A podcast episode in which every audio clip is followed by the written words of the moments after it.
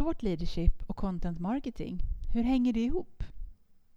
Thought leadership, eller som vi säger på svenska, kunskapsledarskap, handlar om att ta vara på företagets unika position på marknaden för att generera värdefulla insikter och ge råd kring det som betyder mest för våra kunder.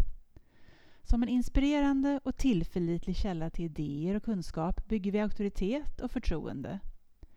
Ett kunskapsledarskap förtjänas utifrån företagets och medarbetarnas meriter och expertkunskap inom ett visst område när företaget uppmärksammas och erkänns av andra i branschen.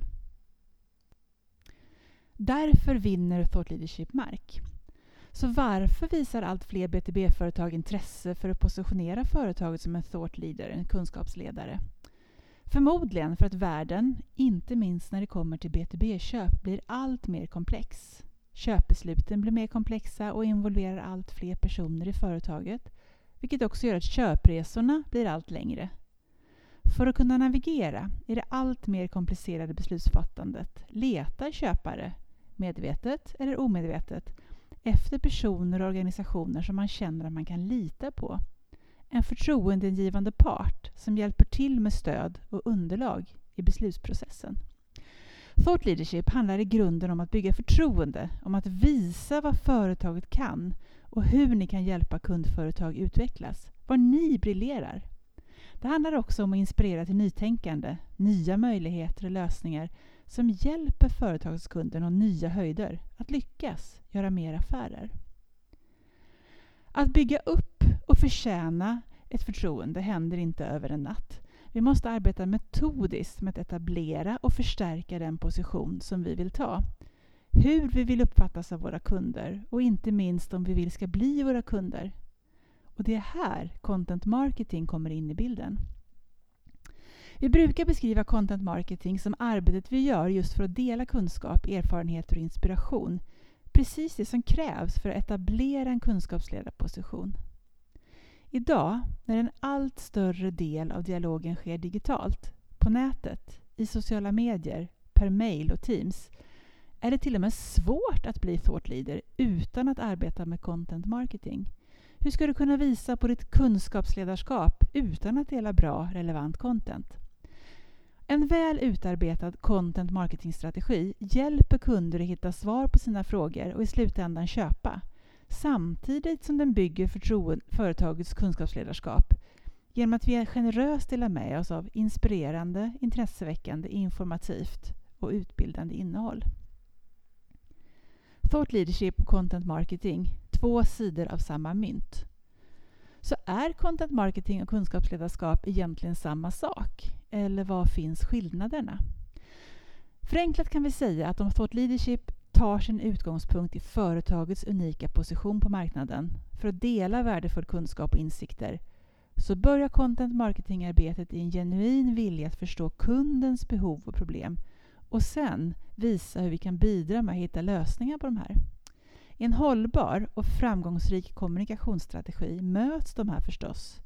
Företagets kompetenser och erfarenheter och kundens behov och utmaningar. Även om alla inte har en uttalad thought leadership-strategi så jobbar faktiskt många framåtlutade B2B-företag precis så här idag. Man använder sig av content för att förmedla sin kunskap och positionera sig som kunskapsledare inom ett visst område. För att på så sätt kunna visa för sina kunder att man faktiskt kan hjälpa dem framåt.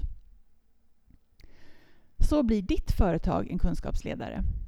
ITSMA, IT Services Marketing Association, en samlingsorganisation för tunga BTB-företag inom framförallt IT och kommunikation som Microsoft, IBM, Cognizant, Verizon och flera har studerat marknaden och sett att 85 procent av BTB-marknadsförare ser kunskapsledarskap som viktigt eller till och med kritiskt för att man ska kunna bygga långvariga och värdefulla relationer med sina kunder.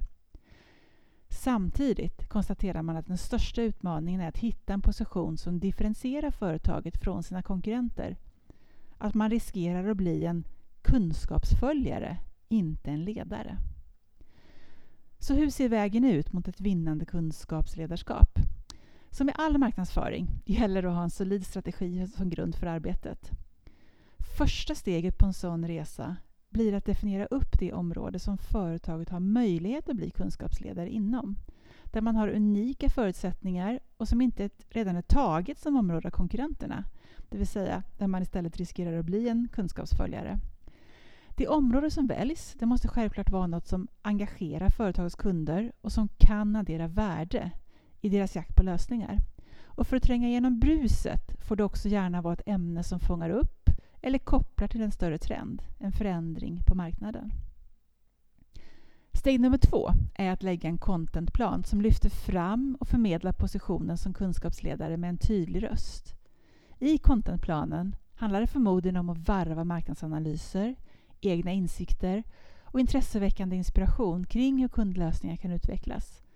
Rent konkret så paketerar vi de här budskapen på contentvis i form av artiklar, white papers, e-böcker, kundcase, studier och i dagens tider inte minst i form av digitala events. När contentarbetet är påbörjat så blir det ett viktigt steg att ta fram en plan för hur innehållet ska nå ut till målgruppen. Smart innehåll som fastnar på företagets webbplats gör ingen glad och bygger inget ledarskap.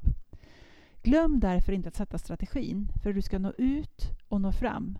För att sluta cirkeln är det förstås också viktigt att du har en tydlig bild av hur du ska utvärdera och analysera arbetet så att du över tid kan utveckla satsningarna med fokus på den position du och ditt företag vill ha. Vill du ha hjälp att etablera eller utveckla en strategi för just ditt företag så är du självklart varmt välkommen att höra av dig till mig.